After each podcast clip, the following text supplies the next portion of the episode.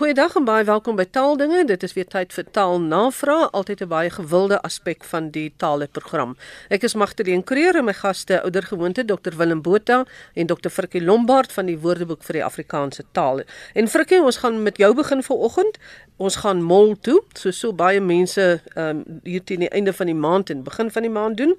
Christof Gericke wil weet wat is 'n mol in Afrikaans? Dis nou nie die M O L nie, dis die M A L L. Ja, Christof, dit is 'n dit is 'n goeie vraag wat ons deesdae daarvoor gebruik want as 'n mens nou gaan kyk wat aangebied word uh, as vertaling vir mall, dan werk winkelhal nie, winkelwandelhal werk nie, winkelpromenade soos al voorgestel is in vertalende woordeboeke werk gewoon nie.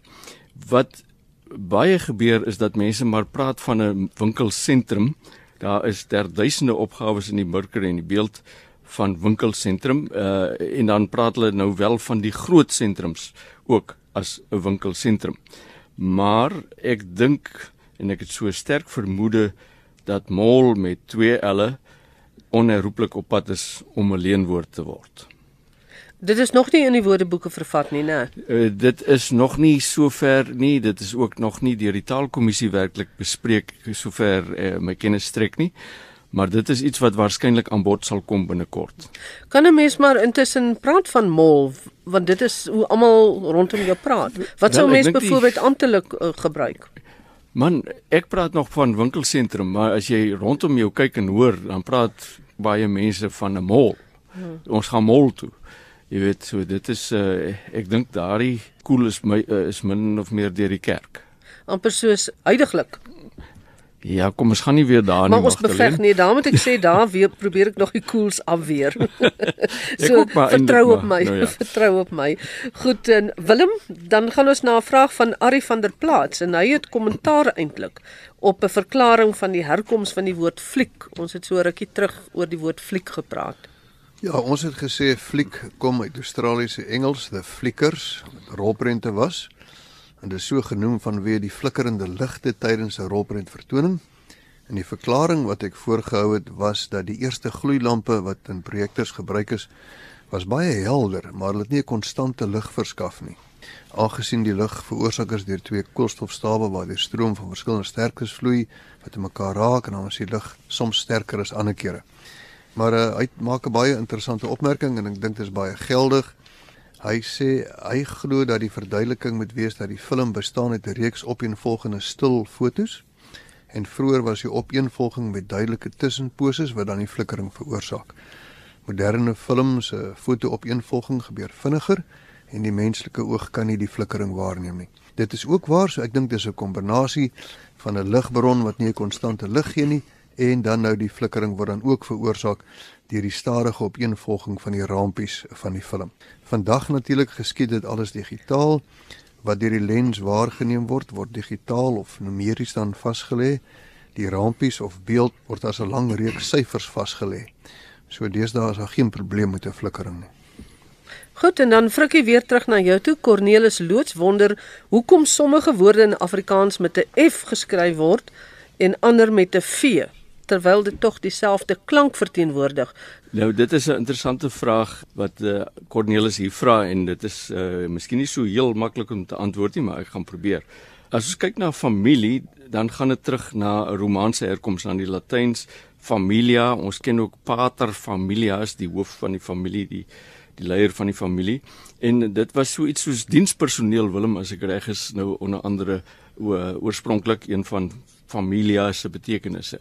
En uh, uh, ek dink 'n famul of famulus het ook teruggegaan na slaaf toe as dit ware. Iemand wat jou bedien het. Dit word met 'n f geskryf in in Nederlands net soos in die Romaanse tale. Maar vriend aan die ander kant skryf Nederlands met 'n v. Reeds in die ou dae was daar vriend of vriend of vriend wat 'n bloedverwant of 'n minnaar of selfs 'n beminde was. Maar as jy kyk na die ander tale in die Germaanse familie oud-saksies Oud-Hoogduits, Oud-Fries, uh, het almal dit met uh, en Goties selfs het is dit geskryf met 'n F. Vroom gaan dieselfde pad. Ons skryf dit met 'n V, Nederlands met 'n V, maar Oud-Saksies, Oud-Hoogduits, Oud-Fries, Oud-Noors, alle almal met 'n F. Met ander woorde dit kom voor asof Nederlands heel dikwels woorde wat in ander Germaanse tale geskryf is met 'n F na 'n V toe verander het, soos vrou en vrug ensovoorts. Nou daar kan miskien taalhistoriese sowel as fonologiese redes wees vir die spelling van uh, woorde soos familie en vriend wat ons nou in Nederlands en in Afrikaans kry. Taalhistories word daardie woorde met 'n F geskryf en dan het dit heel dikwels 'n romaanse voorsaat. Met ander woorde, dit gaan terug na Latyn toe, soos ons nou gesien het by familie. Dit lyk asof die klankwaardes van F en V in Afrikaans nie presies dieselfde is as in Nederlands nie, maar die onderskeid is nog steeds behou omdat ons ons taal op die Nederlandse model gebaseer het. Nederlands, anders as Fries en Duits, Engels en Noors en Afrikaans, gebruik byvoorbeeld die V as 'n stem stemhebbende klank, 'n stemhebbende labiodentale frikatief, iets wat nie in Afrikaans voorkom nie. Nou miskien moet ek net verduidelik vir die luisteraars as iets stemhebbend is, dan uh, is dit omdat die klein tongetjie uh, eh, trill. Uh, labiodentaal beteken maar net dis die lippe plus die tande wat bymekaar kom soos wanneer jy sê en 'n frikatief is maar net 'n wrywingsklank om in die spraakkanaal vernou. Nou professor Ernst Kotse reken dat uh, as ons nie so afhanklik was van Nederlands waarop 'n groot deel van ons woordeskat ook gebaseer is nie, dan sou ons 'n soort patriotspelling kon gehad het waar Afrikaans meer ooreengekom het met ander tale soos Fries en Noors en dat ons dus uh, woorde soos vader met 'n f sou kon skryf uh of of uh verander wat teruggaan na ons woord verander wat met 'n F geskryf word in daai tale sou ons waarskynlik ook met 'n F kon skryf. Maar ons het die Nederlandse patroon gevolg selfs al klink ons woorde fonologies nie heeltemal dieselfde as wat die Nederlanders dit dit sê nie. Dit lyk vir my Nederlands het ons vervreem van die F. Net so. Ek dink nou aan fonds en fonds. Mm. wat ook die die fonds met die v iets wat ge, uh, gevind is gevind het, ja. en fonds met 'n F wat nou op geld dui. Geld is, is ja. dit dieselfde tipe as die voorbeelde wat jy nou hanteer het frikkie? Maar dit kan uh, ek sal moet gaan kyk na die uh, na die spesifieke gevalle maar uh, ja, hier is dan ook uh, be beduidende betekenisverskil dus ja. aan bod. Jy weet en en daai beginsel van gelykvormigheid wat een van ons spelbeginsels is sê iets wat jy gevind het kan dan 'n fonds wees met 'n V want daai verband word dan behou. Ja. Terwyl so, die ander een uh wat met die F iets anders beteken. So dis 'n dis nog 'n belangrike rol die betekenisverskil. Dit dit sal 'n rol speel. Ek dink nou net aan 'n naam en dan stap ons af van hierdie ding, die naam Gustaf. Uh hmm. ek ken Gustave met met met, met, met twee W's, maar dit die ja, een is 'n ja. Gustaf wat eindig op 'n F en die ja. ander is 'n Gustaf wat eindig op 'n V. Ja, ek wonder baie keer oor uh jy weet die, die dit is soos Lombard wat met 'n A 1A en 2A geskryf het. Ek dink die vroeëre mense wat dalk nie geletterd was nie, as hulle name opgegee het, het hulle nie presies geweet om hulle eie naam te spel nie. Dit was ook baie keer 'n geval wat 'n rol gespeel het. En daarom kry ons allerlei vreemde spellings van sekere vanne wat verwring is omdat mense nie heeltemal seker was hoe dit geskryf moet word nie. Joune word geskryf met 'n dubbel A. Nee, myne is 1A. 1A, jy is die ongeletterde Lombard. Nee, ek is die een van die stamvader Peer wat geweet het hoe om sy van te skryf. O, oh, goed. Kom ons stap onmiddellik aan voor hy Willem in jou en my se stamvaders ingaan. Willem dan Ribbons deel interessante inligting mee oor woorde waarvan die herkoms met skoene verband hou. Ja, dit gaan hier oor die Engelse skrywer Geoffrey Chaucer, die Duitse komponis Robert Schumann, die Amerikaanse astrogeoloog Gene Shoemaker en die woord sabotasie. Wat het hierdie vier woorde, drie name in een woord in gemeen? En uh, die antwoord is dat al hierdie name en woorde het te doen met die skoenbedryf. Die van Shoemaker is baie logies. Dit is skoenmaker. Ons het nou ook ons eie beroemde skoenmaker, naamlik Tatjana Skoenmaker, ons nuwe ster swemster. So iewers in haar voorgeslag was daar skoenmakers. Uh, Robert Schumann is ook logies. Hy is letterlik uh, die die skoenman en dan Chaucer. Chaucer se naam is afgelei van die oud Frans chos, 'n skoen. Nou ja, in die ou dae as jou pa 'n skoenmaker was, dan was die kans baie goed dat jy ook 'n skoenmaker sal wees. en so het maar aangegaan, maar gelukkig iewers het hierdie drie persone, Chaucer, Schumann en Shoemaker afgewyk van die patroon en vir ons fantastiese letterkundige en 'n komponis en 'n astroloog opgelewer. Nou die woord sabotasie hou egter ook verband met skoene. Want dit kom van die Frans saboter om te loop met 'n groot lawaai en dit kom van sabot, gespel sabot, 'n houtskoen. Nou om te saboteer of sabotasie beteken om op moedswillige wyse en dikwels uh, strategiese wyse te beskadig of te ondermyn veral dan nou iemand se eiendom of sy planne. En dit gaan terug na die Frans sabotage en dit het oorspronklik beteken die maak van klompe of houtskoene. En is 'n afleiding weer eens van sabot, 'n klomp of 'n houtskoen. Nou die huidige betekenis van om te beskadig op 'n moedswillige manier het ontwikkel na aanleiding van 'n fabriekswerker wat sy klomp, sy houtskoen in die radwerk van 'n groot masjien gegooi het uit protes teen sy onbillike werkgewer. Die masjien het toe gestop en die werker het botweg geweier om sy skoen daar uit te haal voordat aan sy eise voldoen is. Nou ja, daar is mense wat hierdie teorie weer lê, maar dit is die die pragtige verhaal agter sabotasie wat ek nou nie met ander teorieë wil bederf nie. Baie interessant. Kom ons gaan aan na jou Frikkie Johan sal jy vra dat ons praat oor die verskynsel dat mense praat van 1800 uur en nie 18 uur nie, neem ek aan. Dis die 18 met die dubbelpunt en dan twee nulle. Ja.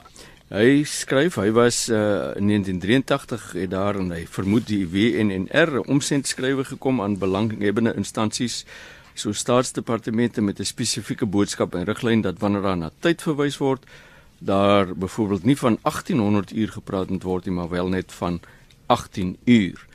En hy wonder is daar so 'n riglyn of 'n reël wat bestaan in die verband?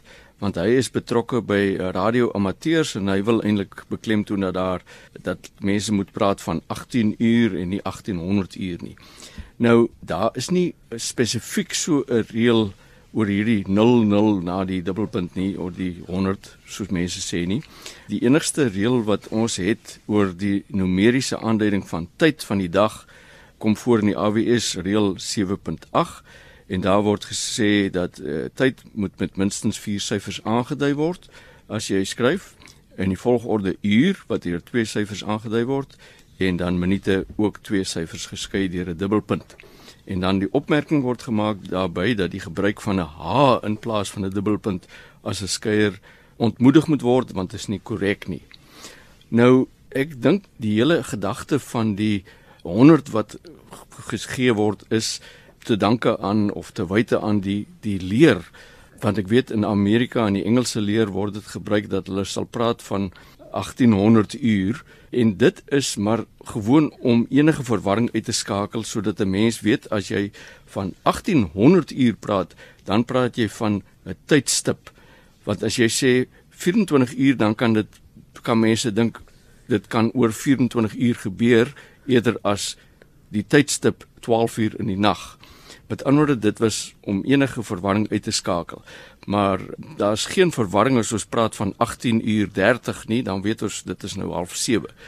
Ek dink hierdie 1800 uur is nou maar ook taamlik ingeburger by mense, maar dit is natuurlik nie verkeerd as jy sê kom om 21 uur na my toe nie. Dan weet ons jy moet om 9 uur kom, maar in, in die weer weermagverband kan 'n mens verstaan dat hulle probeer om enige dubbelsinnigheid uit te skakel dat dit nie gaan oor tydsduur nie, maar oor 'n of oor 'n tydperk nie, maar oor 'n bepaalde tydstip. En as 'n mens nou doodgewoon logika hierso moet inbring, dan uh, sê dit vir jou dit kan nie 1800 uur wees nie want nou is net 24 uur in 'n dag. Ja, maar jy weet die 00 was nou maar dit ja. word vertolk as 100 reg ja. of verkeerd. Goed Willem Pietman Jordaan het onlangs agter 'n bakkie gery waarop toe gestaan het elektries, gas en plumbing. En toe sit dit hom aan die dink. Ek weet nie waar aan nie, maar hy dink toe. ja, hy sê dit nou die elektries gas en plumbing. Uh het hom laat dink dis seker nou 'n besigheid wat spesialiseer in die installering en herstel van die genoemde soos elektriese installasies, gas en loodgieterswerk. Die woord plumbing sê het my egter nog verder laat dink. Ek het 'n redelike idee sê hy waar die woord loodgieterswerk vandaan kom, want pipe is lank gelede uit lood vervaardig Intussen is daar oorgeslaan na onder andere gegalvaniseerde en ander tipe staal, koper en polimere, dis nou plastiek. Nou is sy vraag: Hoe gaan ons van die woord loodgieter ontslaa raak want dit is glad nie meer van toepassing en in my genoemde geval glad nie bruikbaar nie. Die bakkie is te kort vir die lang woord van loodgieterswerk. Hoe skep ons 'n toepaslike en bruikbare woord vir 'n vakgebied wat intussen verander of nuut ontstaan het sonder om te wag dat dit van self oor 'n lang tyd ontstaan of miskien glad nie ontstaan nie. Nou Pietman, as jy wil wegdoen moet wegdoen met loodgieter omdat dit nie logies is nie, dan moet jy ook wegdoen met plammer en plumbing. En hoekom ek so sê is dat plammer en plumbing verwys ook na 'n vergane era, want dit is afgelei van Latyn plumbum en dit is lood. So 'n plammer is 'n loter as jy dit letterlik vertaal. En plumbing is dan loodwerk. So albei hierdie woorde slaan terug op lood. So dit help nie jy raak ontslaaf van loodgieter nie, dan sit jy nog steeds met plumbing wat ook na lood verwys. En is 'n interessante vraag wat jy vra, kan ons 'n proses aan die gang sit om 'n nuwe woord te laat posvat? Jy kan probeer Pietman, maar op die ou end is dit nou die taalgebruiker wat besluit of daardie woord vir hom aanvaarbaar is. So dis baie moeilik om van bo af 'n woord af te forceer op die taalgemeenskap. Taalgebruikers laat hulle nie voorskryf nie. Vra maar vir ons wat sukkel om die regte goed te laat inslag vind.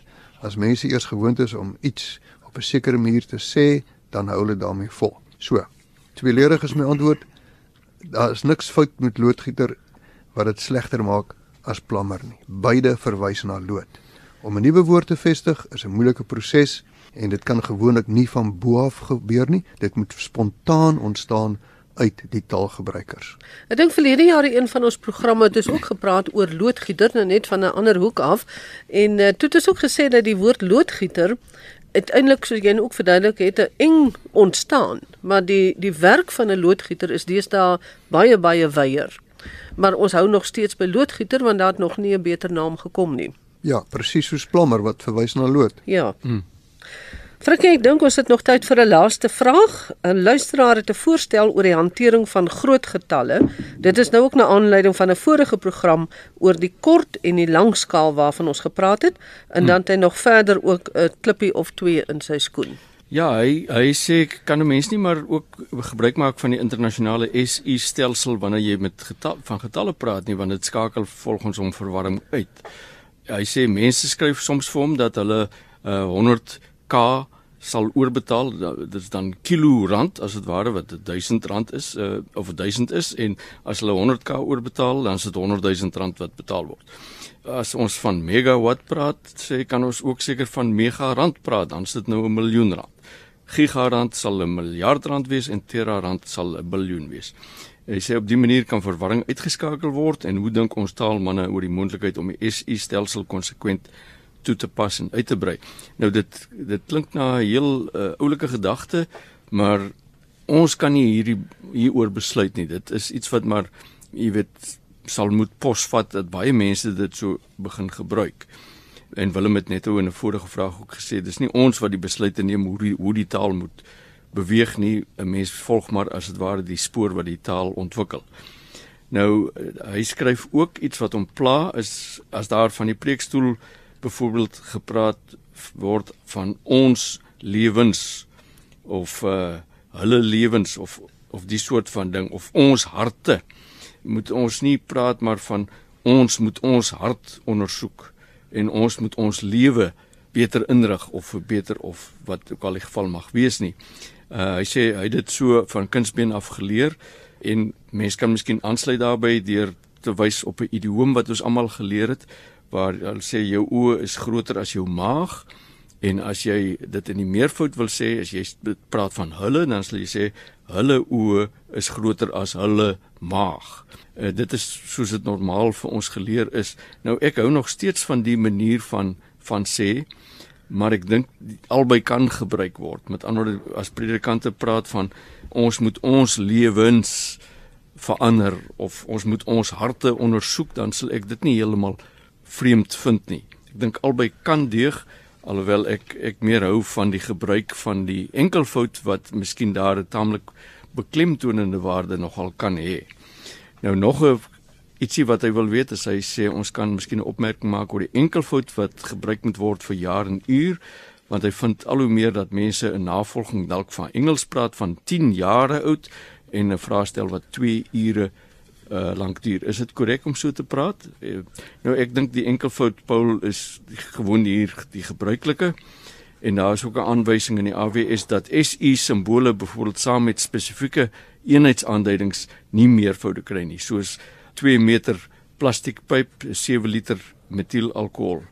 Dit geld ook nie SI simbole soos myl, parsek, punt, ton. Jy sê ons is 10 myl van die see af, hy het 5 ton vrugte gelewer. Maar nou moet 'n mens natuurlik weet in die omgangstaal word meervoude wel aangetref vir alter beklemtoning soos man ek het die vakansie kilogramme gewig aangesit of versoening is nog myle ver weg. Ehm um, en dit is hoe die saakies in mekaar steek. Nou ja, daarmee is ons kilobyte of gigameg tyd vir hierdie program ook verby. Daai getalle en daai goed is vir my te groot, so ek kan dit dalk verkeerd gebruik het luisteraars. Moenie gaan op wat ek sê nie, maar baie dankie Frikkie Lombard en Willem Botha, die twee doktore van die Woordeboek van die Afrikaanse taal vir julle navorsing en interessante antwoorde op ons luisteraars vrae. Groete tot volgende keer.